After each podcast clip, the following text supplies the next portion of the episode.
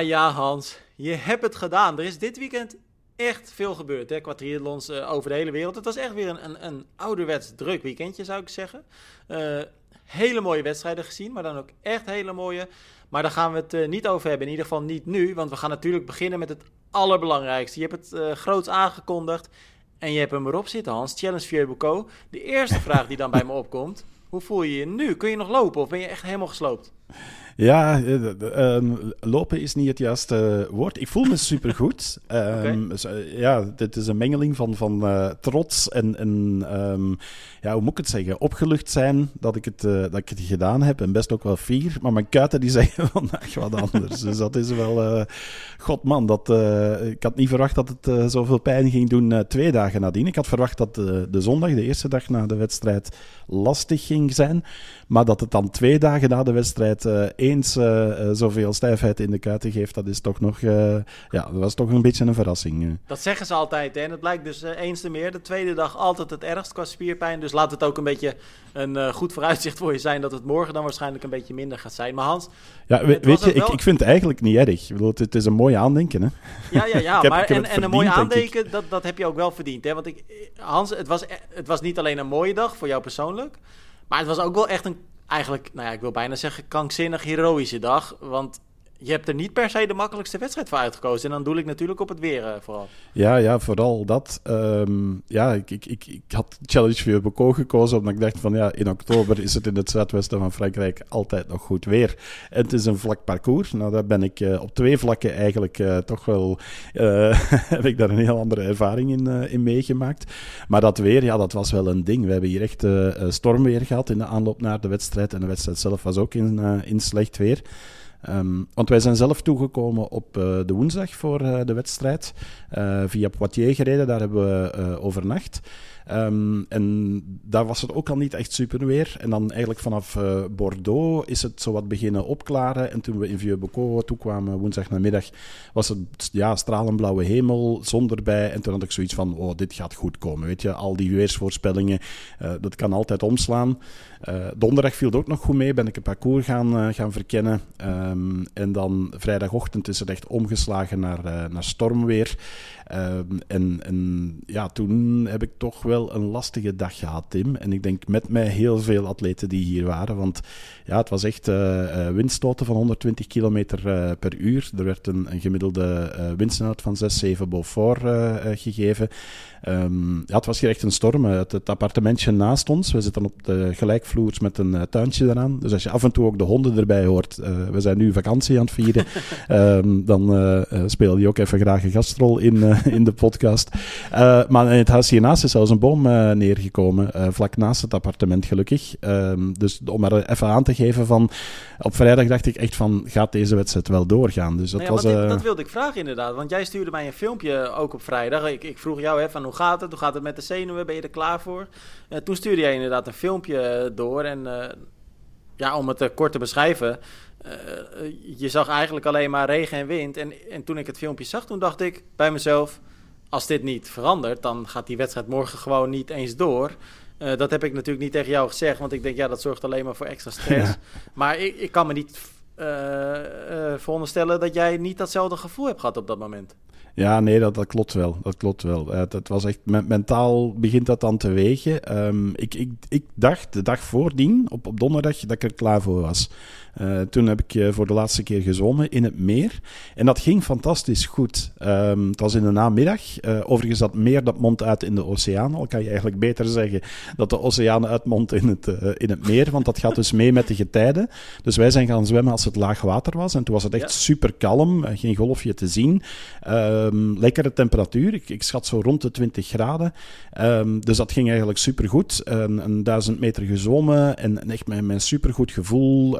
Ik kon echt om de drie slagen ademen, links en rechts. Dat ging eigenlijk zonder probleem. En, en vanaf dat moment had ik zoiets van: Hans, you've got this. Dit, dit gaat lukken, die wedstrijd.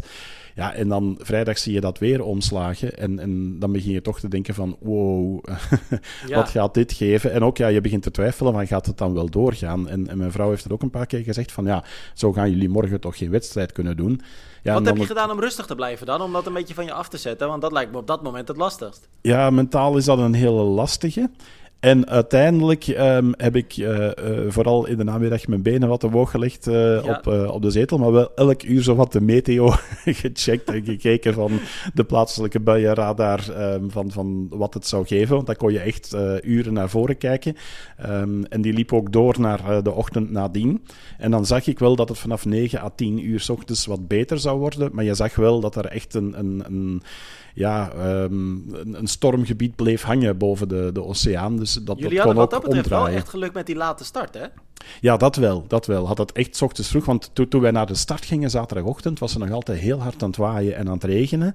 Ehm, en ik zag ook eh, op dat moment atleten terugkeren. Ehm, en ik zag zowel atleten met een vol wiel naar de wisselzone gaan, als atleten met een vol wiel terugkeren uit de wisselzone om eh, niet te starten. Dus eh, want ik heb de dag na de wedstrijd nog een eh, Franse triatleet eh, gesproken. Die had meegedaan aan de kwartsochtends. Omdat hij het niet zag zitten in die omstandigheden om de halve te starten. Dus hij was ingeschreven voor de halve en die zei: ja, Ik ga hem niet doen. Eh, want ik, ik vind het met deze weersomstandigheden niet te doen. Maar ik had zoiets van: Ja, we zijn hier nu toch. We gaan doorzetten. En, ehm, Maar en hoe voelde je je dan toen je naar de start liep? Want om het dan ook eventjes op mezelf te betrekken. Toen ik in 2011 eh, mijn eerste hele in Almere deed. En iedereen die dat jaar ook mee heeft gedaan, die zal dat beamen. Wij stonden toen ook bij de start. En het was hard aan het waaien. Het was aan het miseren. En eigenlijk gedurende de hele dag bleef het behoorlijk slecht. We hebben echt heel veel harde regen gehad, heel Ja. veel wind. En voor de start dacht ik bij mezelf... Waarom doe ik dit? Waarom ga, Ja. ben ik hier aan begonnen? En ik heb Ja. geen seconde getwijfeld om te starten hoor. En ik heb Mhm. ook geen spijt dat ik het gedaan heb. Maar ik kan me voorstellen dat jij ook wel een beetje met je ziel onder je armen liep richting die start. Want dat is niet het. Ja, je gaat er niet. Dat is niet waarmee je. Met welk idee je naar die wedstrijd toe bent gegaan. Nee, nee, dat klopt. Dat klopt. Eh, weet je, dit- je denkt van. Dit moet gewoon een mooie ervaring gaan, eh, gaan worden. En je, ik heb er nooit echt rekening mee gehouden van, van dat het dit soort weer zou, eh, zou Nee. zijn. Ehm, nu, het, het, voordeel was wel dat je zaterdagochtend wel al merkte van het is iets beter dan, eh, dan vrijdag. Dus daar zat al wel wat beterschap in. Dat deed mentaal ook wel deugd. Maar ik ben vooral heel erg beginnen focussen op die wedstrijd. eh, op alle eh, materiaal in de juiste zakken. op tijd nog naar de wisselzone geraken. Want ja, je start dan om... Wij moesten met de mannen boven de 50 om tien over tien starten. De pro's die starten om, om tien uur. Eh, dus we hadden eigenlijk wel wat tijd, s ochtends. Maar goed, je bent om zes uur op. Eh, om zeven uur begint je, je laatste carboloading. Ehm, dat was overigens een bijzonder lastige. Ik weet niet of nog triatleten dat herkennen. Maar om dan al die koolhydraten naar binnen te stoppen op nuchtere maag, dat, dat vond ik echt een moeilijke. Ik, ik heb Wat echt, had je gegeten? eh, ja, vijf sneden wit brood ehm, met, eh, met confituur. Iets wat ik eigenlijk... Ik, ik eet anders nooit wit brood. Dat is jam, hè? Wat wij in Nederland Ja, noemen, denk ik. Hè? ja. Ja, inderdaad. Ehm, en dat dan in combinatie eh, met nog wat, eh, wat fruit, een banaan, eh, een, een fruityoghurtje. ehm, ik weet het zelfs niet meer allemaal van. Het was, het was veel. Ehm, dat wel. Het was allemaal prima op voorhand opgemaakt door, door mijn diëtiste, door, door Jolien Louili. Die heeft dat geweldig goed gedaan. Alleen die, die, die laatste snee naar binnen krijgen, dat was echt ja, gewoon wegduwen en, en nog wat koffie erbij. En, en ja, ik moest dan ook nog sportdrank drinken natuurlijk. En had je toen al heel veel zenuwen, Hans? Of had je toen best Toen begon het wel te komen. Eh, maar het was dan ook vooral van, heb ik alles in de juiste zakken zitten? Heb ik alles mee? Ehm, heb ik, en, en ik had de avond voordien eh, de gelletjes klaargelegd en, en ook nog eens verdeeld over de, de run en eh, de bike eh, bags. Dus dat je weet van, oké, je hebt het eigenlijk allemaal uitgeteld, je hebt alles mee. Ehm, en dan s ochtends was het enkel nog ja, sportdrank klaarmaken en, eh, en meepakken. Ehm, de fiets had ik in orde gezet. En hoe was je nachtrust dan, Hans? Want je hebt natuurlijk in de podcast een paar keer gezegd dat jij als speaker eigenlijk al heel slecht slaapt. Maar dat was. En waarschijnlijk hoorde je nu ook nog eens de wind en de regen om het huisje heen slaan. Ja, ja, ja, ja dat, dat, dat vooral ook. Eh, maar ook ja, elk uur wakker. Dat was Ja, echt, ja, ja. eh, net, net zoals ik eh, eh, mij, mij als speaker voorbereid, had ik dat nu nog eens zo hard. Al moet ik zeggen, van, met net iets minder stress opgestaan. Dat, dat vond ik wel een, een, een, een opvallende. Misschien was dat ook omdat die start om tien uur was. En, en dat je dan weet van, ja, die stress die gaat toch wel komen. En die is ook wel gekomen, hoor. Dat, maar eigenlijk in, in het laatste stuk, zo de, de, de fiets klaarzetten, de zak klaarzetten. Ehm, ik was blij toen, toen die fiets eigenlijk op het rek hing. Toen dacht ik van, we gaan dit doen. Ja, ja, En ja. ehm, En dan ja, naar de start gewandeld en daar nog wat, uh, wat mensen tegengekomen. Uh, onder andere nog even een babbeltje gedaan met, uh, met Jort Vlam, de CEO van, van Challenge Family, die ik, die ik goed ken. En, en, die stak mij ook wel een hart onder de riem. Ja, en dan andere Belgen die, die nog even gedag komen zeggen. En, en ik, ik was super blij met um, de aanwezigheid van, van Luc Somers, die ook bij de 50-plussers startte, in dezelfde wave als ik. En ja, we zijn eigenlijk een beetje bij elkaar gaan staan, samen op hetzelfde moment wetsuit aangetrokken en dan naar het water gegaan. En Luc was al tegen mij aan het zeggen van, zei, volgens mij gaan hier heel veel mensen niet starten of terugkeren in het, in het zwemmen. Want die keek ook met grote ogen naar de, de golven op het, op het water. En die was mij ook aan het zeggen, hij zei van, ik heb de indruk dat die boeien zo ver liggen tegenover eerder deze week toen we gingen in, inzwemmen. En ik denk dat hij gelijk had, um, want ja, ik, ik, had ook dat gevoel. Ik, en, um, maar op dat moment, weet je, je zit zo met de stress, er gaat zoveel door je heen. Um, ja, ik heb dan nog afscheid genomen van, uh, van Caroline, van mijn vrouw, uh, die op dat moment al in dat tranen... Dat klinkt wel heel erg heftig, Hans. Ja, ja, maar ja, die, die was... Die, ja, dat klinkt misschien verkeerd. Maar die was zelf al, al uh, heel emotioneel en, en zei dat ze super trots op mij was en met tranen op haar, ja, op haar gezicht voor, voor de start. dus ja, natuurlijk, ik ook blijten. Ja, zo gaat dat. Ehm, en, en dan, maar dat dan, is gek, hè, Hans? Hoeveel dat dan losmaakt, hè, zo'n wedstrijd? Ja, ja, dat is onvoorstelbaar. maar ik had toen ook van, weet je, ik heb hier zo hard voor gewerkt. En ik, ik heb eigenlijk toen mijn eigen mantra ervan gemaakt van... Je hebt hiervoor gewerkt, je hebt hier keilang, maandenlang voor getraind, je hebt afgezien, uh, je hebt uh, uh, af en toe de trainingen vervloekt, maar je hebt ze wel gedaan en nu is het wedstrijd en nu ga je dit ook gewoon doen.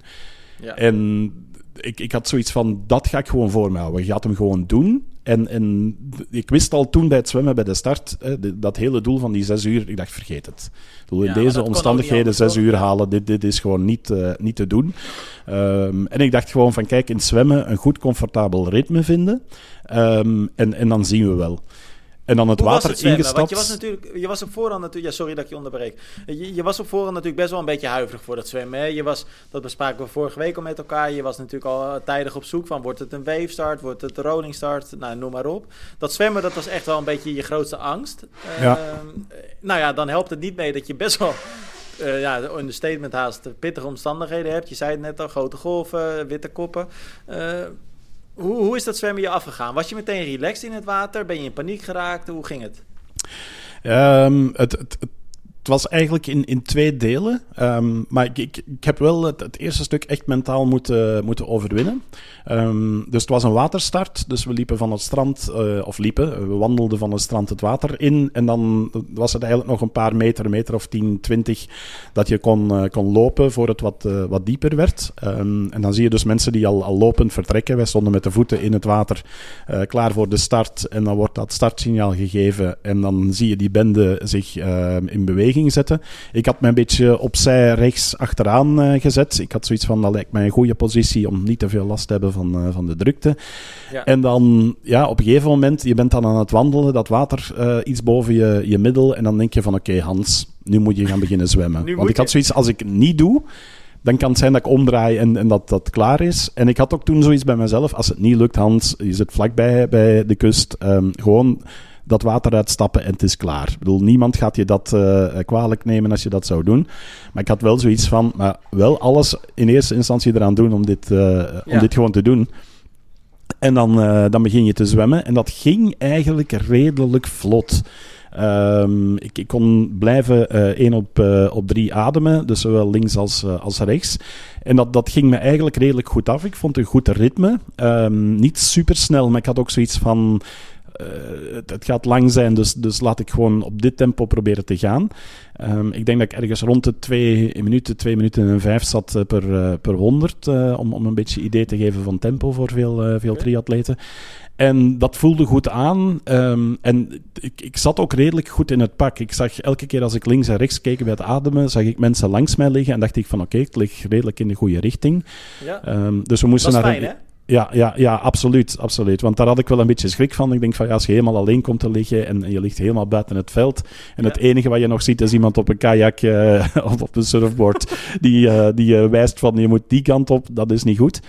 Um, En dan moesten we naar de eerste boei, die was vrij goed, uh, goed zichtbaar. Um, en eens daar rond, dan gingen we eigenlijk langs de oever naar het verste punt van het parcours. En dat duurde enorm lang. En toen onderweg had ik ook al wel zoiets van: wow, dit lijkt mij zo ver. Um, want ik had eigenlijk uitgerekend dat um, de, het eerste stuk van het parcours 1200 zou zijn. Dan Australian Exit en nog 700 meter om het meer over te steken naar de Swim Exit. En die, die 1200 meter, dat duurde echt super lang, ook naar mijn gevoel. Um, en, en voelde echt als 1500 meter zwemmen aan. En misschien wel meer. Maar goed, dat, dat, bleef eigenlijk redelijk goed gaan totdat ik na 10 minuten kramp kreeg. Maar echt niet te doen. Eerst links en dan vlak voor de Australian exit heb ik ook rechts in mijn hamstring een, een kramp gekregen, puur door de kou. Um, en, en ik probeerde nog wel een beetje te kicken, maar, maar dat, dat ging echt niet meer. Ik heb dat been een beetje moeten stilhouden.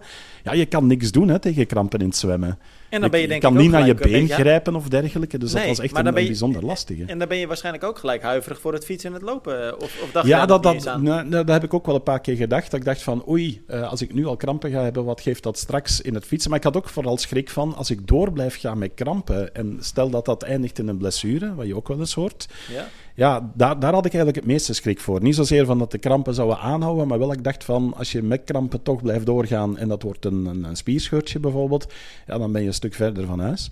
Um, maar dan met de Australian Exit ging het er wat uit, uh, terug het okay. water in. Ja, en, en vanaf dan was het overleven. Overigens ook nog wel een ding. Um, ik was blij dat wij in de 50-plus uh, wave zaten. We waren de eerste agegroep wave na de pro's die mochten starten. Uh, en dan heb je niet die spanning, want ik sprak onder andere nog uh, Annemarie Rustenburg, een, een, okay. een, een Nederlandse triatlete bij haar. Um, en ja, die moesten dan, ik denk nog een half uur na ons het, het water in. Maar die waren ook al helemaal klaar in een wetsuit en, en in dat slechte weer. Dus die moesten eigenlijk in de kou nog een half uur wachten. En, uh, of twintig minuten, ik weet niet meer precies hoe lang ze achter ons zaten. En ik was blij van dat wij meteen mochten, want dan, dat neemt ja. de stress voor een groot stuk weg. Om, omdat je, je weet van, dan ben je er vanaf. Alleen, Tim, uh, ik ben niet de beste zwemmer. Dus aan dat tempo, wat gebeurt er? Elke vijf ja. minuten een nieuwe wave start elke vijf minuten een nieuwe wave over me heen. maar ik denk wel dat je het met me eens bent. Je kunt beter zo hebben dan dat je als laatste start en dan echt in niemandsland aan het zwemmen ja, Ja, dat denk ik ook wel. Want ik, ik heb ook wel het voordeel gehad een paar keer dat, dat uh, een groep mij voorbij kwam en dat ik nog even mee kon in de voeten. Ja. Want je, je voelt dan eigenlijk de draft, dat was nieuw voor mij, uh, van, van de snellere zwemmers. Dus je krijgt zo'n beetje turbulentie in het water, uh, waardoor je wat, wat sneller vooruit gaat. En ja. dan wist ik ook op dat moment van nu even doorzwemmen, want die mannen die gaan de goede kant uit. Dus dan moet je niet te veel kop uit water en gewoon in je tempo blijven en gaan. Um, ja. Dus dat viel mij op zich nog wel mee. Maar in het laatste stuk naar de swim exit, dat was al super lastig. Dat was constant tegen de stroom in. Ja. Met dan die wind uh, er uh, helemaal tegen. Uh, zout water ook, dus echt enorm veel borrels binnengekregen. Ja, dat, dat is echt ook niet, niet te doen. Um, maar dan kwam de vrouwenweef er ook nog eens over. En ik kan je vertellen, dat ging eens zo hard als bij de mannen. Ja, dat, dat ja, heb ja, ik dat... net iets meer klop gekregen en wat aan mijn voeten getrokken en dergelijke. dan, dus ik had zoiets van, wow, oké, okay, kudos voor de dames, dat ze zo competitief zijn. Dus goed gedaan, ladies. maar dat was wel even een vaststelling. Um, ja, en dat laatste stuk was puur um, overleven. En, en ja, proberen de overkant te geraken. En ik had dan het geluk dat ik uh, een, een, gelijkaardige zwemmer in een uh, fluo-gele zwarte uh, wetsuit. Dus ik, ik, kon hem goed herkennen ook. En die zat een beetje aan hetzelfde tempo als ik te zwemmen. En die botste een paar keer tegen mij, omdat hij nog minder coördinatievermogen had dan ik. maar da, daar had ik wel een referentiepunt aan. En, en ja. op zich heb ik hem wel wat in doog. Want de laatste 500 meter heb ik echt 1 op 2 moeten ademen, enkel aan de linkerkant, omdat de golven zo hoog waren dat het niet meer te doen was om aan twee kanten te ademen. Uh, want als je dat probeerde, kreeg je gewoon elke keer een slok uh, zeewater binnen. Um, dus dat was wel apart. Hè. Je, zwemt in een meer en toch krijg je zout water binnen. Dus dat was echt wel een, een, een aparte gewaarwording. Ja, dan kwam ik uit het water en toen dacht ik van, uh, Peter Kroes, mijn coach, had het ook gezegd, rustig wandelen naar de wissel. Je gaat het daar niet winnen of verliezen. Gewoon even je evenwichtsgevoel terugvinden, terug even op adem komen. En ik zag toen ook op mijn horloge, ik had hartslag 162 in Ja, het dat zwemmen. Dus de, de hoogste hartslag die ik van de hele dag gehad heb, is volgens mij in het zwemmen geweest. Ja, En dat ja, is wel heel bizar. Dat, eh, Ja. Maar dat was Maar dus... dat zal ook een beetje stress geweest zijn Dat waarschijnlijk. was inderdaad de combinatie van de stroom tegen ehm 1900, ja, 1900 hoor mij, eh, en, en stress. Ehm, en ik keek en ik had 2,4 kilometer. Terwijl Oh. ik volgens mij niet zo hard afgeweken ben. En ik had 52 minuten op mijn eh, horloge voor het, eh, voor het zwemonderdeel. Ehm, dus ik denk ook dat het gewoon een stuk langer was. En ik hoorde Ja, achteraf ook van andere atleten dat, dat, eh, dat ze ook trage zwemtijden hadden. Dus Ja. ik denk dat het net iets, iets langer was. En, en met Ja. mijn coördinatievermogen ja, zal het misschien ook wel niet helemaal gelukt zijn om er 1900 van te maken. Dus 2,4. Ehm, mijn gedachte overigens, Tim, daarbij toen ik eh, in de laatste meters kwam ehm, en, en ik zag dat op mijn horloge 2,4 en dan dacht ik van oké, dit was 2,4. Eh, stel je voor dat dit 3,8 is. En dan dacht ik van pff, zo- zo'n hele toch nog even niet, niet voor het eerste jaar, zeg maar. Maar dat hoeft, dat hoeft ook nog niet. Eh, ik bedoel, het was pas je eerste halve. Dus wat dat betreft heb je ook nog even. Ja, maar het is wel maar- gek, dat- gek dat je daaraan denkt tijdens de wedstrijd. Ja, dat is wel, dat is wel apart inderdaad. Ja. Dat heb ik ook nog nooit zelf gehad. maar eh, Hans, maar opgelucht dus toen jij uit het water kwam. Dat denk Ja. ik dan wel, hè? Ja, ja, en opgelucht ook wel trots. En op dat moment had ik zoiets van, you've got this. Deze maar wat ik mooi vind, doen. Hans, ik ga, ik ga het wel aan je vragen. Want ik, ik, ik moet wel eerlijk zeggen, ik, ik heb er wel een beetje om gelachen. Ehm, niet, niet, niet uitlachen, maar wel ja, een beetje vermaak, laat ik het zo zeggen. Want ehm, toen kreeg ik van jou een foto dat je dus inderdaad eh, de wisselzone door was eh, gekomen met je fiets aan de hand. Rustig wandelend. Nou, dat vond ik slim, want dat zei je vooraf ook al. Dat is wel het wedstrijdplan. Gewoon rustig naar je fiets, dan eh, rustig opstappen. En dan kun je gewoon lekker losgaan op de Ja. fiets. Ehm, maar ik zag jou met echt wel een dikke fiets onder je reet. Ik zag je, je had een super aerodynamische helm. Maar je doet gewoon de profs na. Je, je had zelfs een bidonnetje in je trisuit gedaan. eh. Ja, ja, klopt, klopt. Dat klopt. vond ik wel mooi. eh. Ja, ja. Ja, oh, je nee, dacht, ik, ik, pak alle winsten, pak ik mee gewoon, of? Ja, ja, absoluut. absoluut. Ja, weet je, ik, ik, eh, ik, ik heb natuurlijk die aerobuik niet meer van vroeger. Ik ben 22 kilo kwijt, dus ik moest iets doen om dat eh, te compenseren. Eh, maar nee, ja, ik, ik had gewoon gedacht van Joe Skipper gewijs de, de bidon achter de, achter de.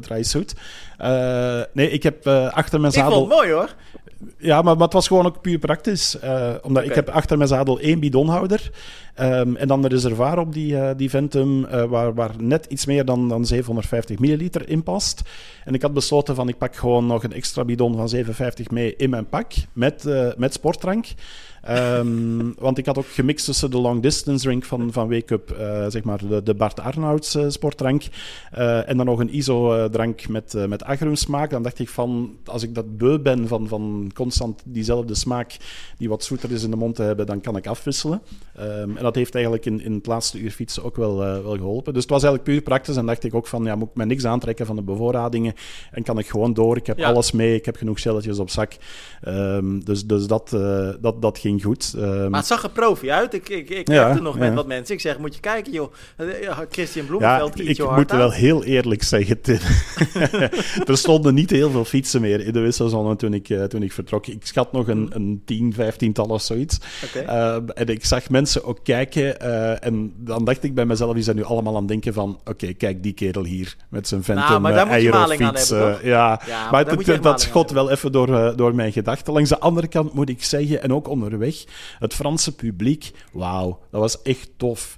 Ook al, Cool. ik ben door plaatsen gekomen, het was keislecht weer natuurlijk, waar twee, drie mensen buiten stonden. Die zaten voor iedereen te applaudisseren en, en te roepen. Ik heb ook elke keer gewoon keihard merci teruggezegd. Eh, ik denk dat ik honderden keren gedaan heb. Dus eh, ook de vrijwilligers, die waren super enthousiast. Dus dat was wel tof om te zien van, ondanks die, die, die slechte omstandigheden, dat de mensen het leuk vonden. En dat maakte het voor ons atleten ook, eh, ook super tof. Dus ehm, al- als er atleten, ja, er zullen natuurlijk eh, heel veel atleten meeluisteren, eh, maar als er ook mensen meeluisteren die vrijwilliger zijn, eh, weet dat dat een bijzonder belangrijke rol speelt voor, voor een atleet die onderweg is. ja, Ehm, dat is echt zo. Zeker ook, want wij hadden lange stukken door de bossen waar je niemand zag. En als je dan ergens in een dorpje kwam, ja, dan was het tof om een paar mensen te horen. En, en dat deed echt wel deugd. En, en ja, dat was echt wel een goed gevoel. En, en aan atleten die luisteren, kan ik ook maar zeggen, doe dat zelf ook eens en, en uh, ga als vrijwilliger meewerken aan een wedstrijd. Of zeg ook vooral veel bedankt en merci aan, aan de vrijwilliger als je er voorbij gaat. Ik zag mensen daardoor ook opfleuren.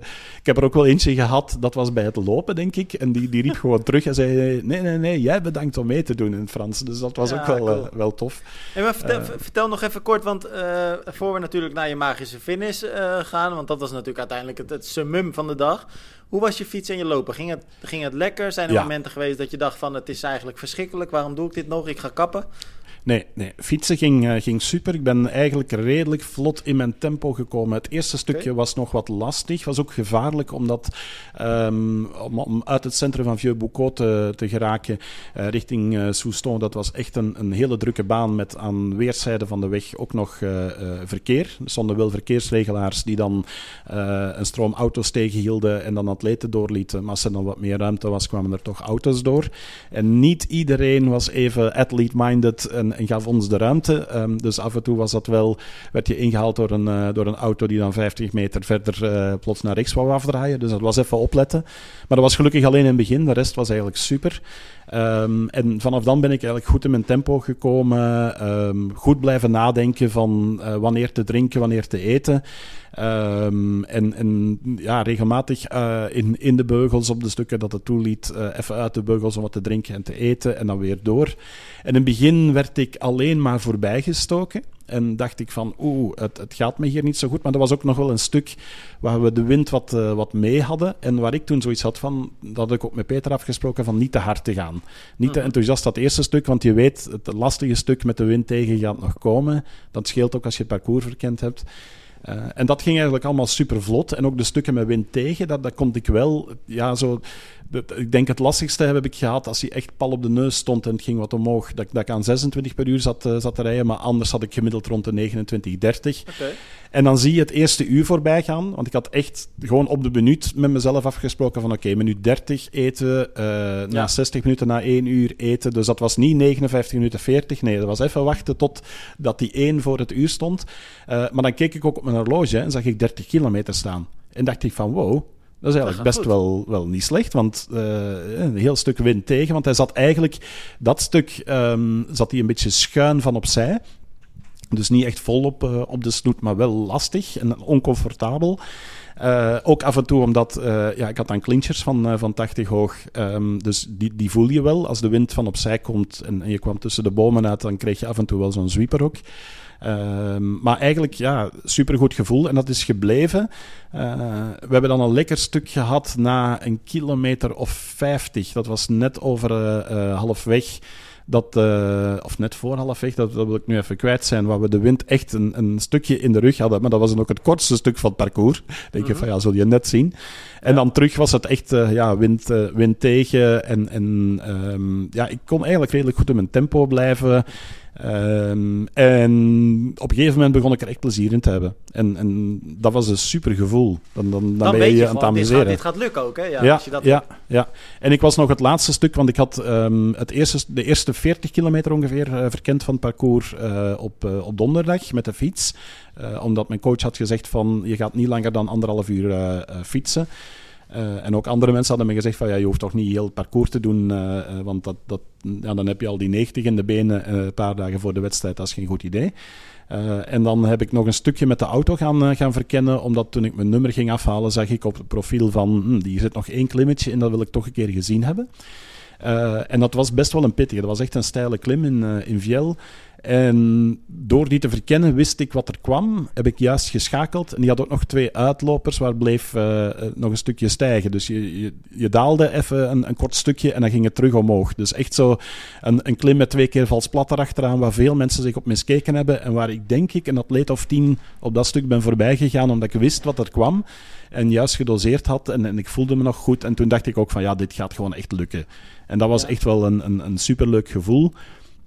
Nog heel even een stressje toen ik het laatste half uur tot de constatering kwam dat ik één gelletje te weinig mee had. Um, maar ik denk dat ik gewoon er eentje te snel had, uh, had genomen, want ik had het allemaal goed uitgeteld. Ofwel ben ik hem onderweg verloren, bij iets uh, ja. uit mijn pak te pakken.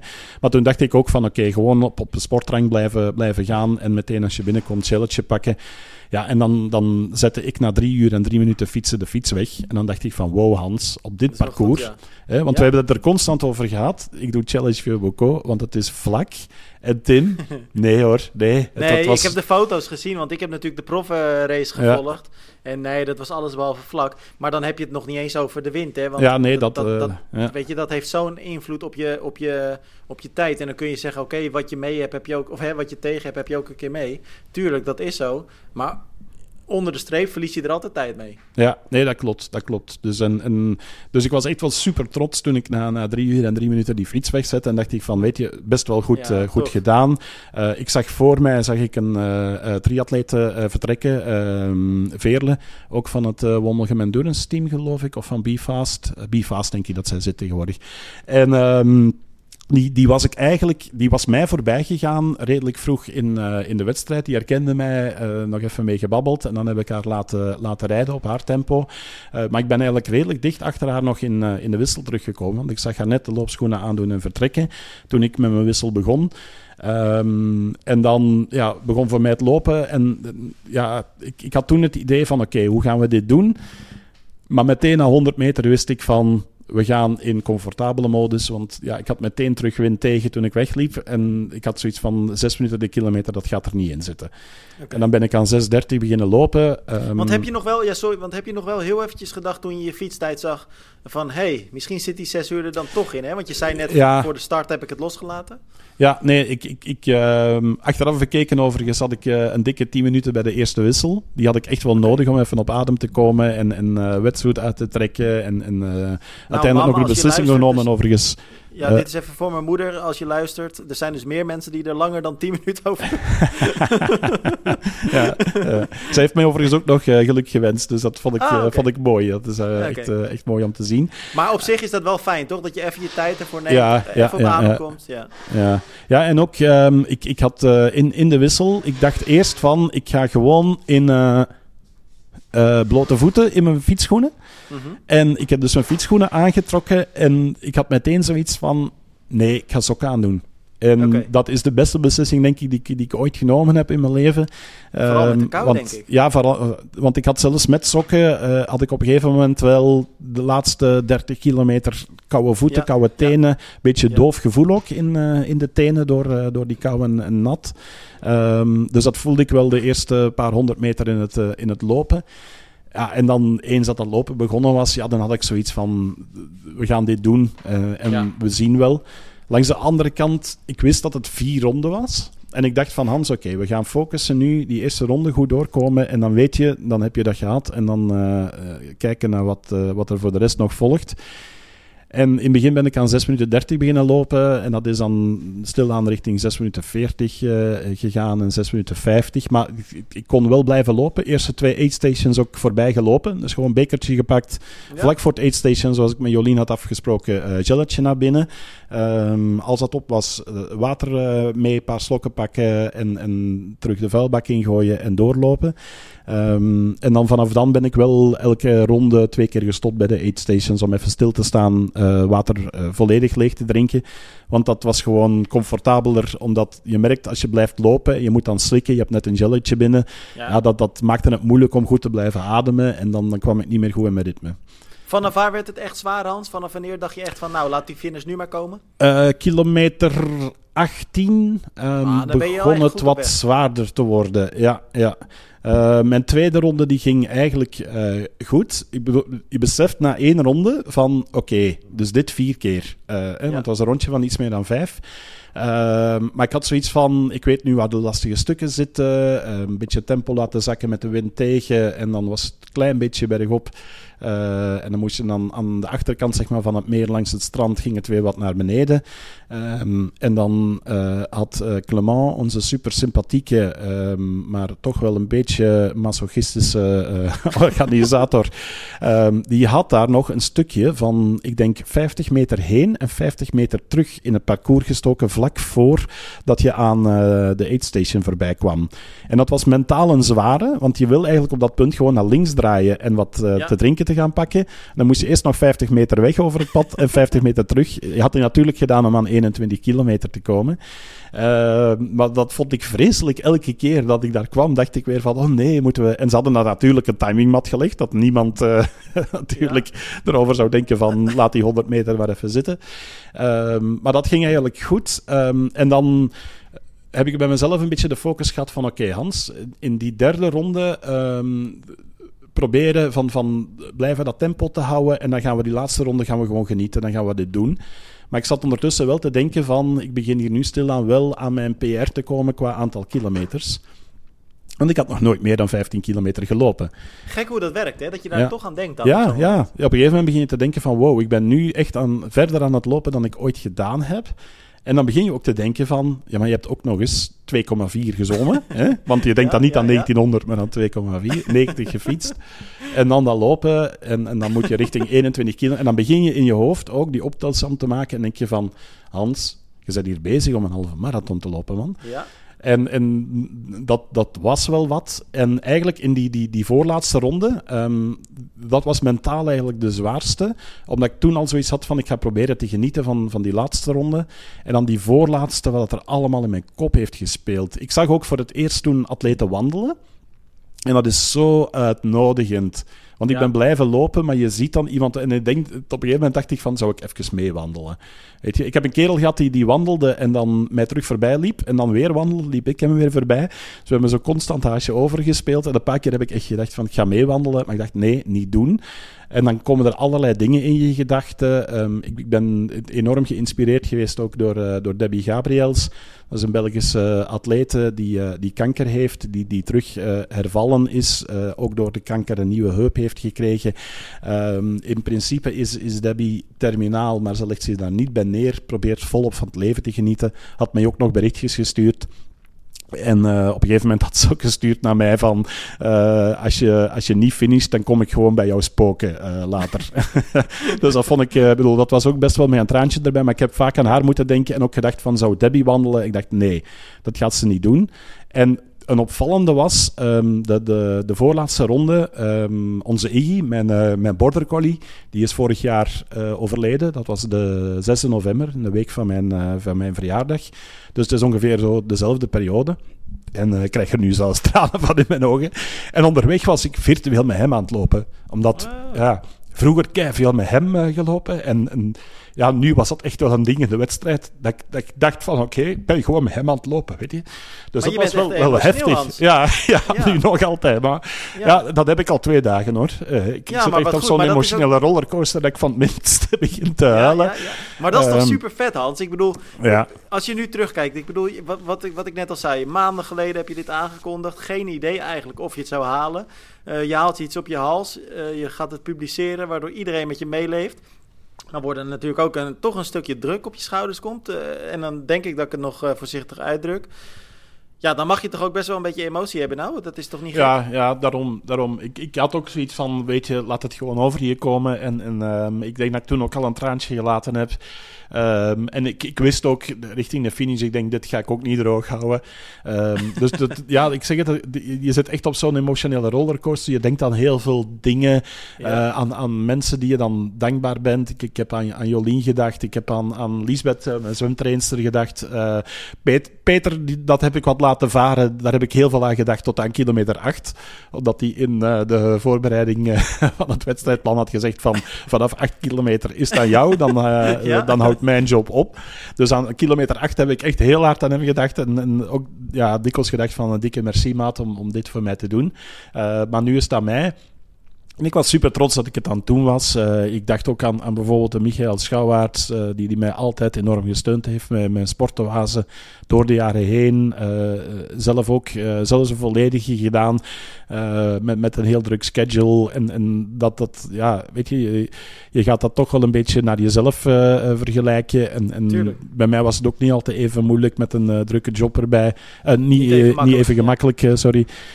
de, dus al dat soort dingen ben je aan het denken. Je denkt aan, aan de tijd die, die je niet bij je vrouw bent, uh, bent geweest. Um, die, die je dan elke keer langs het parcours ziet, die, die, er super trots uitzag. Was ook, en, dat moet ik ook wel zeggen, was een tof moment. Ja, ja, sorry, want dat zeg je nu wel. Maar net heb je er, als, voordat we deze podcast begonnen, heb je de bruut uit het huisje geschopt. Je zei, ga maar even wandelen, want, want wij willen Nee, nee ik, ik, heb, ik heb ze van de wifi gegooid, want uh, anders kwam het niet goed qua, qua internetsnelheid hier uh, in, de, in Nee, maar Hans, wat, wat, ik kan me voorstellen, inderdaad, je zei het net al, je vrouw uh, was wel emotioneel bij de start. Dan zie je er op een gegeven moment bij die finish. Uh, wat gaat er dan door je heen? Want Goh, dat is een gek moment. Die, die, die, laatste drie kilometer waren, waren lastig. Maar ik was samen aan het lopen met, uh, met een Brit die ook zijn, zijn eerste deed. En die liep eigenlijk net iets te snel voor mij. Maar we waren aan babbelen. Uh, want hij had het lastig. En ik was eigenlijk tegen hem begonnen van... Come on, let's go. En, en uh, less than three kilometers to go. En, um, en hij begon terug te babbelen. En, en ook van dat zijn eerste was en dergelijke. En had hij zoiets van... Kom aan, we gaan samen naar de finish. En ik dacht, ja, goed. Maar hij ging net eigenlijk net iets te snel van mij. Het was een paar seconden per kilometer te snel. Uh, dus ik moest eigenlijk een beetje te, te fel gaan om hem, uh, om hem bij te houden. En op een gegeven moment zei ik ook tegen hem, ik zeg, ga maar door. Uh, ik, ik zie je aan de finish. Maar dan kwam ik uh, voor de tweede keer in die laatste drie kilometer op België tegen. En die laatste twee kilometer is, is die hele bende met mij meegelopen. En dat waren uh, de, de broers de, de Smet, Brecht de Smet, die daar met Joni van Houten was. Met Seppe de Graaf en zo, die ook zijn, zijn eerste halve had gedaan. Die was natuurlijk al een tijdje binnen. Um, en die zijn mij gewoon keihard beginnen aanmoedigen, zijn meegelopen. En, um, en op een gegeven moment zei hij ook van Hans je bent er bijna, de laatste twee kilometer. En dan kwamen we terug aan het centrum en zeiden ze van nog drie bochten en dan ben je er. En toen begon het besef bij mij ook. Ja, en dat was echt onbeschrijfelijk, dat gevoel. Dan weet je van, yes, ik ga het hem doen. En dat was ook een mix van, van tranen en geluk en... en uh, ja, dat, dat kan, kan het nauwelijks omschrijven. Ik heb ook tegen die bende gezegd op een gegeven moment, maar echt vol verwondering van, ik ga dit doen. Weet je, dat, dat, dat, dat is, ja, uh, en juichend over de finish, hè? Ik heb de beelden ja, gezien, het was echt ja. prachtig. Ja, ja, ja. Ik, ik wou daar echt van genieten. Uh, Jay Styles stond, uh, stond klaar om me binnen te roepen. dus die ben ik ook even in de laatste bocht in, in de armen gevlogen. die schrok ook, want ja, de, de tranen liepen mij op dat moment over de wangen. Ik zag Caroline staan en, en ehm, ja, die ben ik huilend in, in de armen gevlogen. Uh, en dat was het, het, beste gevoel ooit. Ik wil, um, ja, daar gaat niks boven. Ik weet niet of er alleen maar meerderjarige luisteraars zijn. Uh, maar dit gaat boven seks hoor. Uh, absoluut. sorry. ja, ik weet niet. Misschien dat de meningen daarover verschil zijn. verschillen, dat weet ik niet. Maar ik ben, jij zegt het.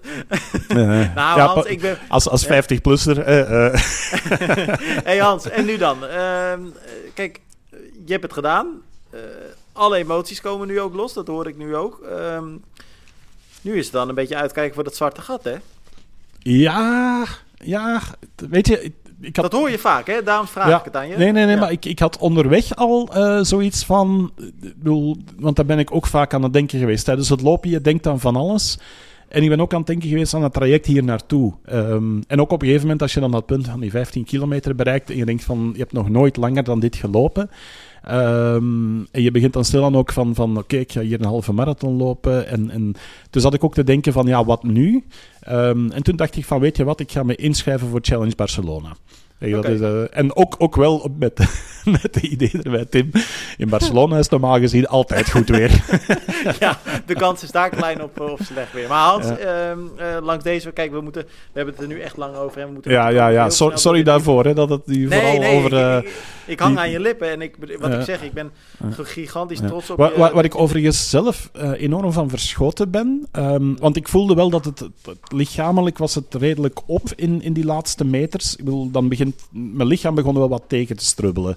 Uh, alles begon net iets meer pijn te doen.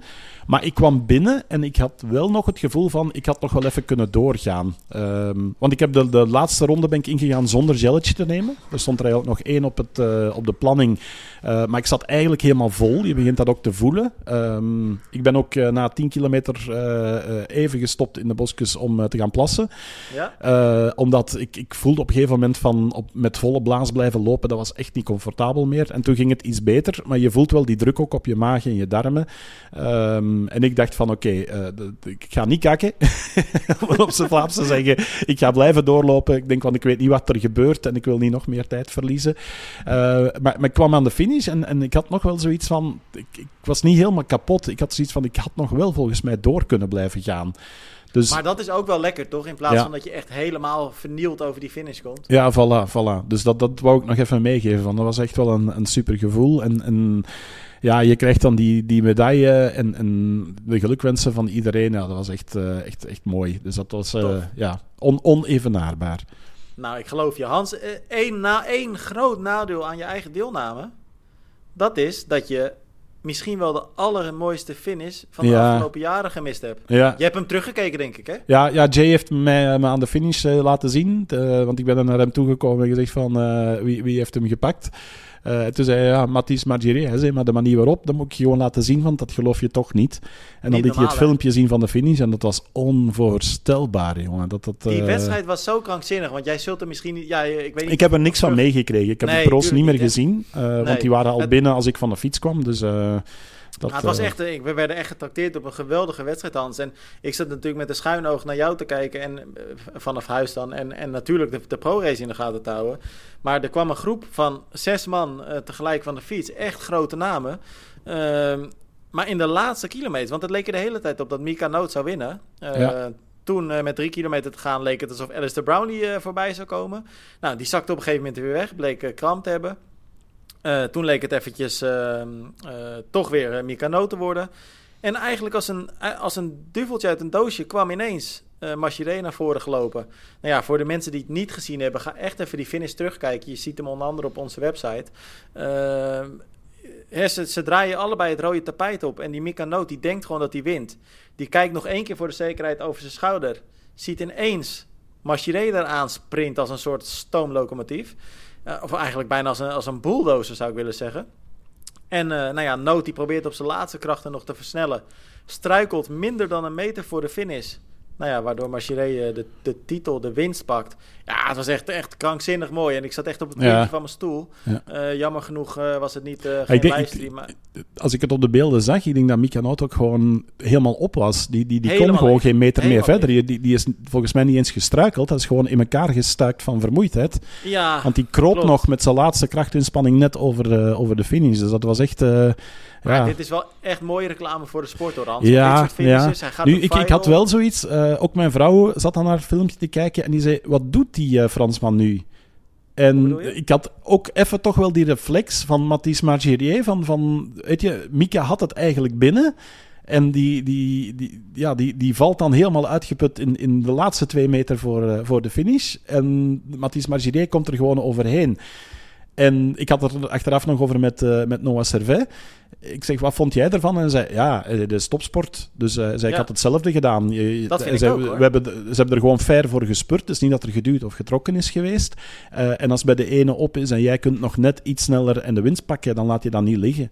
Uh, en de finish is het. Kijk, het is niet. Hè, we, we, dat hebben we een paar, paar podcasts geleden natuurlijk ook met elkaar besproken. Dat was toen in Spanje, geloof ik. Hè, die sprint dat iemand niet achterom kijkt en dat iemand dan ineens achter zijn rug als een soort ja, een beetje, bijna een beetje stiekem als het ware over, over hem heen komt. Maar die Mika Noot, die zag hem nu ook aankomen natuurlijk. Hè? Dus ja. het is echt, nou ja, gewoon sprinten voor wat je waard bent. En ja, als je dan uh, net niet sterk genoeg bent, ja, dan wint de ander wat mij betreft ook terecht. Ik vind het niet, uh, niet verkeerd. Nee, nee, nee, klopt, klopt. Uiteindelijk wel. Maar op dat moment denk je ook van... Weet je, ja, het, is gewoon twee meter. En ik snap Mika Noot ook wel. Um, want ik, ik, had ook wel een beetje het, hetzelfde gevoel. Um, en eigenlijk alle organisatoren die, die meeluisteren, denk daar eens heel goed over na hoe je je finish neerzet. Want wij moesten elke ronde eigenlijk langs de finish uh, nog even op en neer um, om aan de volgende ronde te beginnen. Dat was, ja, wat was dat, een meter of twintig, denk ik. Dat je eigenlijk langs de finish heen um, naar het punt net achter de finish liep. Daar stond dan het keerpunt. En dan moest je terug. En dan voor de finish moest je dan rechts afdraaien om dan nog eens die 20 meter over de rode loper te lopen. Maar als je daar komt, dan lijkt het alsof je ja, eigenlijk bijna rechtstreeks kan binnenlopen. En, maar dan is het gewoon nog gewoon 50 meter spurten en draaien en keren en doodgaan. en ik kan me zo, ja, in het hoofd verplaatsen van Mika Noot, die op dat moment daar komt, die weet dat er een super rappe Fransman aankomt en die er dan nog echt alles uitperst en dan is het net iets te lang. Ik denk, had dat laatste stukje er misschien niet in gezeten, dan had hij het wel gehaald. Maar dat is ook omdat mentaal, hè, je, je, hoort de speakers en de muziek en... en uh, ja, maar ja, Hans, ik bedoel, ja, ik, die, ik snap best wel wat je zegt, maar die omstandigheden zijn voor iedereen hetzelfde. Ja, die zijn voor iedereen dus- hetzelfde, inderdaad. Maar ik wil maar even aangeven van, uh, denk, denk, toch eens goed na, beste organisatoren, wat je de mensen aandoet op deze Nu word je een beetje te emotioneel, Hans. Nu moet je gewoon stoppen. nee, nee, nee, nee, nee. Hey Hans, ja. uh, even, even, want het wordt natuurlijk een hele lange aflevering zo, dus we gaan er nu nog heel veel... Er zijn nog twee dingen die ik even met je wil bespreken. Uh, het allerbelangrijkste, denk ik, want dat is, dat is ook weer prachtig nieuws. Ja, Zeker want voor dat, jullie Belgen. Ik, ik, ik, denk dat je daar naartoe gaat. Um, want ik, ik, kreeg ook de eerste berichten binnen van... Ja, was nu het mooiste je eerste Ironman winnen? Of uh, Hansen uh, Challenge Vieux finish? Ja, ja, ja exact. Um, ik, ik, ik zal ze minstens op hetzelfde niveau zetten. maar ik vind de prestatie van Pieter Hemerijk... dat, dat, dat, dat, is toch ook wel indrukwekkend. wat hij gedaan heeft in Ironman Cascais. Uh, ja, dat is, dat is echt, uh, echt wel petje af. Um, op een hele grote manier in een sterk veld. Um, dus, dus uh, knap gedaan. Pieter was ook een van de, de, vele atleten die mij vooraf een berichtje heeft gestuurd. Die zelfs, ik denk dat, dat, het nog geen uur was na zijn finish in, in Cascais, heeft hij mij bericht gestuurd om mij proficiat te wensen. Ah, dat is echt een, een, een topkerel en ik gun het hem enorm hard. ook de andere Belgen die het daar goed gedaan hebben overigens. Want Bart Arnoud zesde, Bram van der Plas als eh, dertiende. Uh, Tom Metz, die daar uh, het supergoed deed bij, bij de agegroepers en een um, slot pakte voor, voor Kona. Alleen Schutjes die zijn agegroep won. Um, ja, ik vond, vond het wel mooi om, om te zien. En ze zijn ook veel in mijn gedachten geweest, want ik kende heel veel atleten die daar meededen. En als je dan zelf een afzien bent, Tim, ook dat geeft dan een heel ander gevoel en, en, nog, nog meer respect voor, voor die atleten die dan daar ook bezig zijn. Uh, dus ik vond dat ook super mooi. Uh. En dan besef je ook des te meer hoe hard die gasten gaan, hè? Ja, ja dat is echt dat is, dat is bizar. Ja. Um, ik, ik had het ook overigens bij ons, bij, bij het lopen, om, om toch nog even terug te gaan naar mijn eigen ervaring. Um, dus je, je bent erop getraind uh, en je wil dan richting die zes minuten de kilometer lopen. Nou, ik zat dan aan 6.30, maar het was vier rondjes en in het begin was er veel volk op het parcours. Ik werd daar voorbij gesneld. Ik dacht van, hoe kan je dit nu nog uit je benen ja. schudden na ja, zo'n lastige wedstrijd met al die wind, met die omstandigheden. Dus triatleten, het is toch wel een uh, speciaal soort hoor. Dat, uh... In het geval van Pieter uh, Hans, ik denk dat hij zich geen beter scenario kan voorstellen. Hè? Want nee. hij heeft zijn Kona-slot voor volgend jaar binnen. Er is, weet je, hij kan eigenlijk, wat dat betreft, heeft hij nu alle vrijheid voor het komend seizoen. Om de wedstrijden te doen die hij die, die, die wil doen, of waar het meeste prijsgeld te winnen valt. Want hij heeft niet meer die druk van het slot pakken. Nee, hè? Dat is, nee. dat is ideaal. Ja, dat is altijd het ideale scenario voor een pro om tegen het einde van het jaar al te kwalificeren voor het jaar nadien.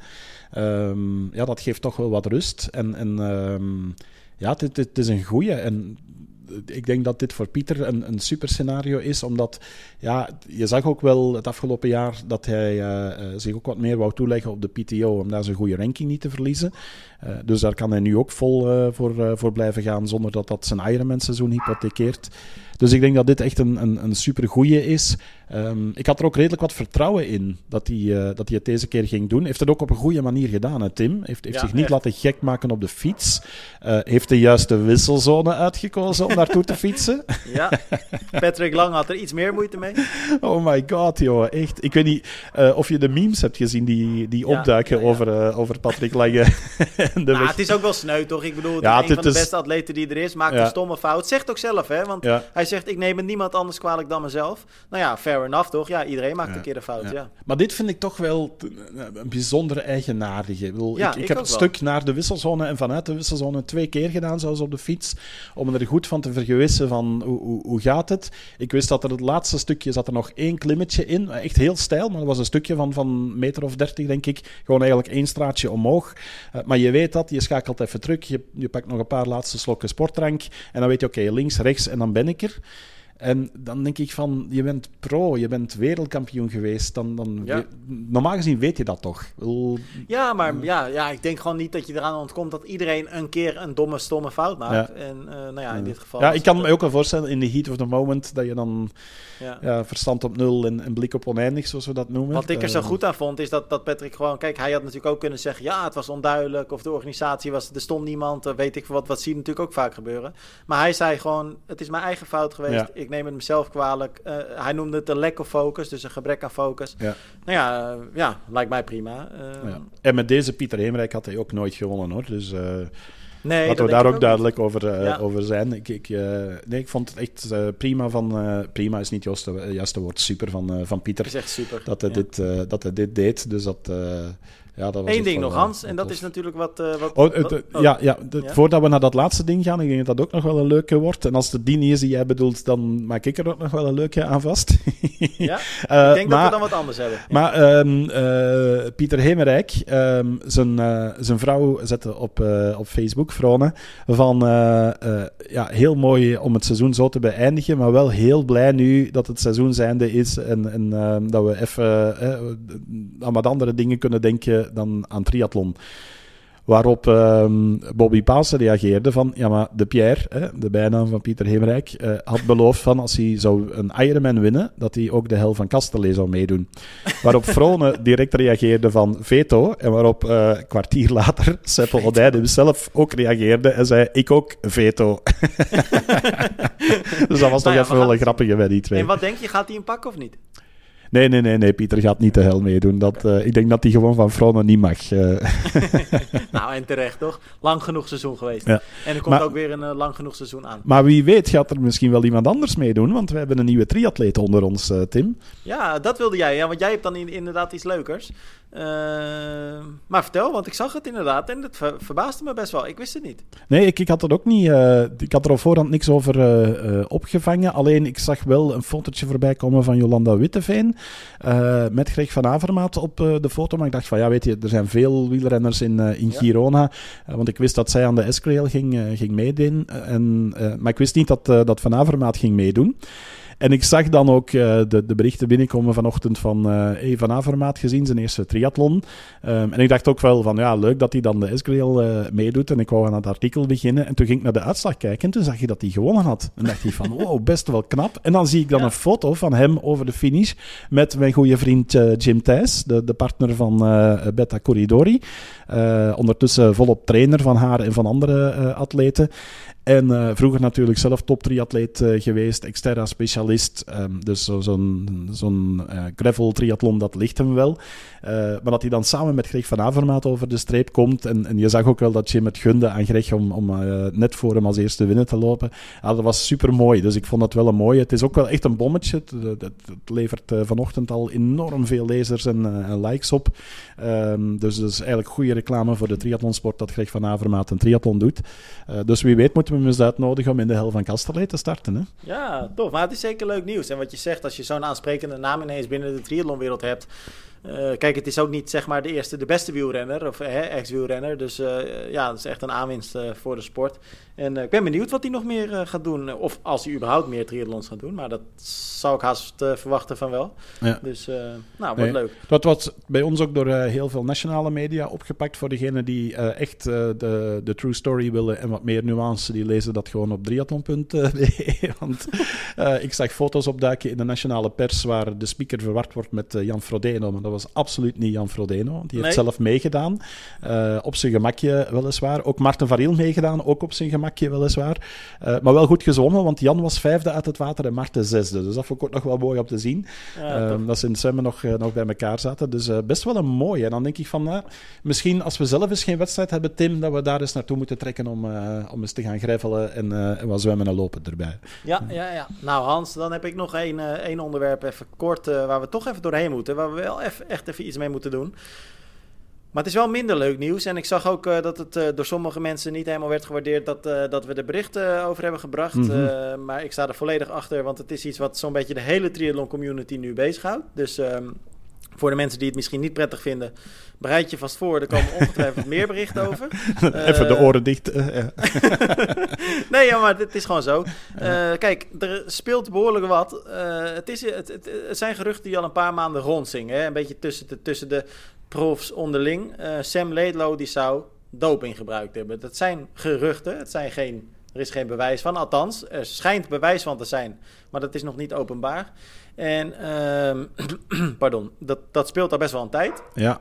En nu uh, uh, ja, was het eigenlijk best wel uh, opvallend dat Sam Laidlow zelf afgelopen week een hele nou, emotionele, maar ook hele aanvallende post op social media plaatste.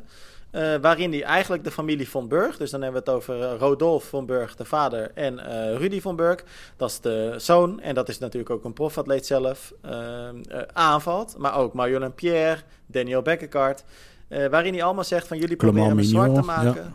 Ja, ja jullie proberen me zwart te maken.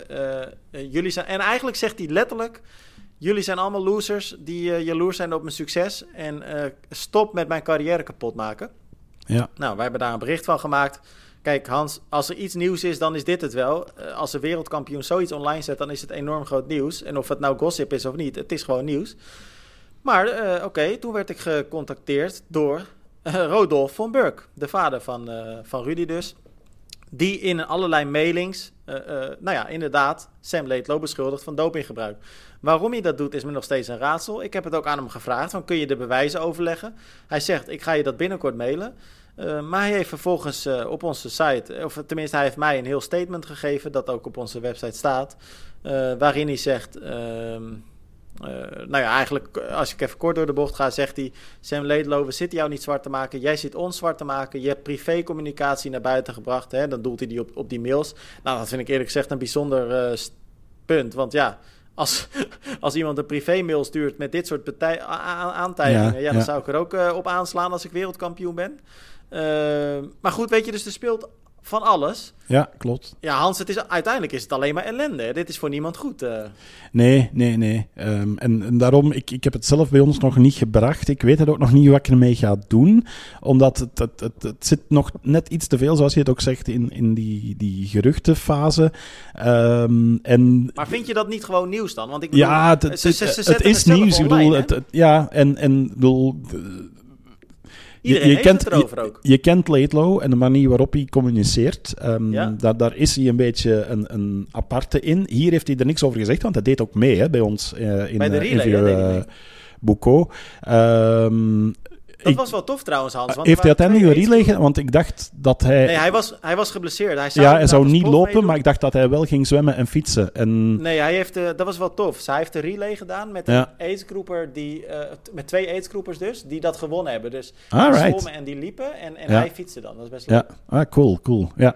Maar hij was hier dus ook, ook bij de persconferentie, maar ze hebben het natuurlijk er niet over uh, gehad. Zo gaat dat vaak nee. bij internationale wedstrijden en met persconferenties, dat dat soort onderwerpen wel een beetje uit de weg wordt, wordt gegaan. Uh, maar hij zag er ook redelijk ontspannen uit. En hij heeft ook aan de finish nog een tijdje medailles staan overhandigen. Niet lang genoeg helaas. Dus ik heb mijn medaille, medaille van een vrijwilliger gekregen. Uh, maar, en niet van, van Sam. Um, maar, maar ja, je weet dat hij af en toe raar uit de hoek kan komen qua communicatie.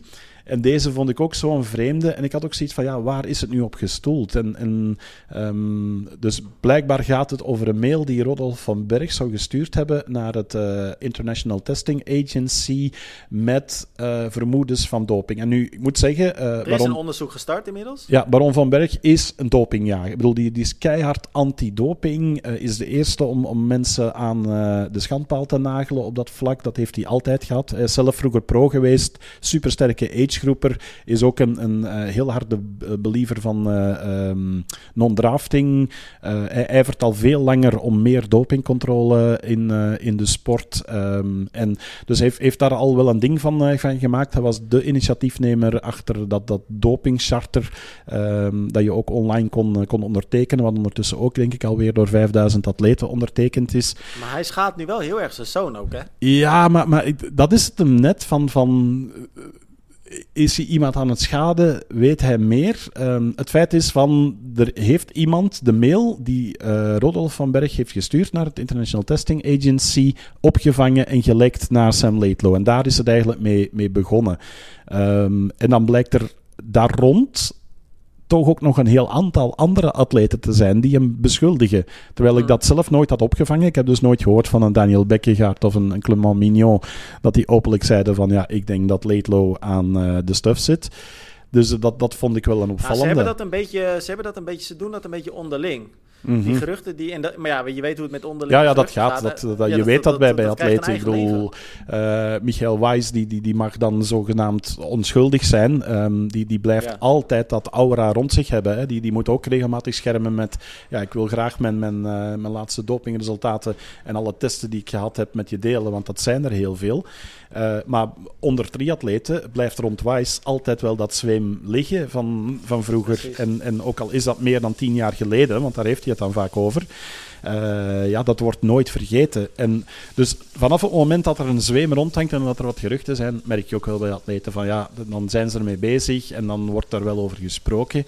Eh, maar in dit geval, ja, ik, ik, ik, ik hoop voor de sport dat, dat het een, een storm is in een glas water. Want als er iets van aan is, dan eh, zou dat wel eens een serieuze kaakslag kunnen, kunnen worden. Ehm, Nou, laten we hem daarmee afsluiten, want ik denk precies hetzelfde. En eh, ik hoop inderdaad dat het, eh, dat het allemaal meevalt. Eh, mochten er Belgen zijn die, die het wel willen volgen, check vooral triathlon.nl. Wij, Ja, ja, blijven ja, ja. er- wij blijven erover schrijven. ja, ik heb nog heel veel werk met een uitgebreid verslag van eh, mijn eh, eerste halve triathlon-ervaring. Dus dat, eh, dat komt ook nog wel, wel online. Ehm, en, en ik vond ook wel dat ik het verdiend heb van dit weekend net iets minder stukjes te schrijven dan anders. nou Hans, volgens mij moet jij zelfs deze hele week gewoon lekker een beetje rustig gaan doen. Toch lekker van je vakantie genieten? ja, ja, dat ga ik, ga ik proberen te doen. Ehm, normaal gezien gaan we straks eh, zwemmen en dan ga ik eens zien eh, hoe mijn, spieren reageren en of die nog altijd in kramp schieten. Eh, en als dat gebeurt, dan ga ik genieten terugdenken aan, aan deze eerste ervaring. Dat is echt super. Tof Hans, De- thanks ook eh, dat, je, dat je je hele verhaal hebt verteld. En eh, nou ja, dan Ja, so- sorry dat het zo lang is geworden, maar goed, het was ook een lange wedstrijd voor mij. En eh, goed, die, die zes uur heeft er eigenlijk nooit ingezeten met deze ehm, omstandigheden. Het is, het is 6.42 geworden overigens voor de mensen die benieuwd zijn, want dat was ook nog wel een ding overigens. Wil ik daarmee mee afsluiten. ehm, en, en sorry namens eh, ehm, de, de Timing Company, zal ik dan maar zeggen. maar er waren heel veel mensen ongerust toen de Timing app wegviel. Ik denk dat Ja, er... kwam door het slechte weer, begreep ik. Eh, ja, dat, dat kan goed geweest zijn. Dan, maar de- volgens mij was dat ongeveer het moment dat het net begon op te klaren. Dus eh, Oké, oh, ja, dat Beetje- ja, een beetje eh, tegenstrijdig. maar goed, die, die viel weg en toen waren wel wat mensen ongerust, merkte ik achteraf. En ik belde na de finish natuurlijk met mijn coach, met Peter Kroes. En die zei, jongen, jongen, jongen, wat heb ik afgezien. Hij zei, ik zie jou echt goed beginnen aan dat lopen. Hij zei, en dan na negen kilometer krijg ik niks niet meer te zien. En dacht ik van, ja, het is klaar en hij is ingestort. En wat is er gebeurd? En, en, en ik, elke keer als ik over een timingmat ging, dacht ik van, ja, nu weten ze dat ik daar weer ben. En ja, ze, gaan zien dat ik nog altijd Ja, goed ja. bezig ben. Hans, je bent goed bezig. Dus ik, Nou, ik zat... mij even een bericht, mij een berichtje moeten sturen. Want, of, of, je- of je vrouw natuurlijk, want, want ik kreeg wat, wat vanaf de kant. En je vrouw die zal het ook gezien hebben. Dus dan eh, hadden ze meer updates kunnen Ja, ja, ja, dat is juist. Dat is misschien een goede voor, eh, voor de volgende. Maar die zes uur, dat gaan we volgend jaar proberen te doen. Dan hoop ik ook dat jij er terug bij... Hoe, hoe is het met jouw gezondheid overigens, Tim? Ik heb gisteren, of ja, dus eergisteren als je dit luistert, eh, voor het eerst weer een half uurtje op de fiets gezeten. Echt, echt totaal geen inspanning, gewoon op Zwift. Geen kracht, maar gewoon een half uurtje in ieder geval weer een beetje bewegen. Dus dat was heel erg fijn. Ik merk nog steeds dat als ik heel diep inadem, dat ik ja, een beetje die aandrang om te hoesten heb. Soms hoest ik ook nog, maar het gaat een stuk beter. Eh, ja, ik durf nu nog niet intensief te, te trainen. Eh, daar wacht ik ook echt zeker nog even een week mee. Maar ik ben in ieder geval weer een beetje op de weg terug. Ja. Dus dat is, eh, dat is fijn. Alright, goed om te horen. Goed om te horen. Dus wij gaan gewoon volgend jaar samen voor Challenge Barcelona. Ja, ik eh, zit er een beetje aan te denken om, eh, nou ja, in ieder geval eh, binnen nu en twee, drie weken mijn wedstrijdschema voor volgend jaar te kijken. Ik weet nog niet zo heel goed wat ik wil doen. Aan de ene kant wil ik een hele doen, triathlon. Aan de andere kant denk ik, want ik word natuurlijk in, in januari ook weer voor de tweede keer vader. Dus ik heb ook zoiets van, ja, misschien moet ik het dit jaar inderdaad beperken tot een halve. Of focus op een marathon. Ik weet het nog niet zo goed. Dus eh, laten we dat over twee, drie weken, dan, eh, dan moet je deze vraag nog een keer aan Dat is stellen. goed, dat is goed. Weet, je, gaan we in de podcast eh, over drie weken gaan we het over planningen hebben. Ja. Gaan we doen. Alright Hans, ik spreek Super. in ieder geval eerst volgende week en dan gaan we gewoon weer door het triathlon nieuws van dat weekend heen. Alright, top. Dankjewel. Doei doei.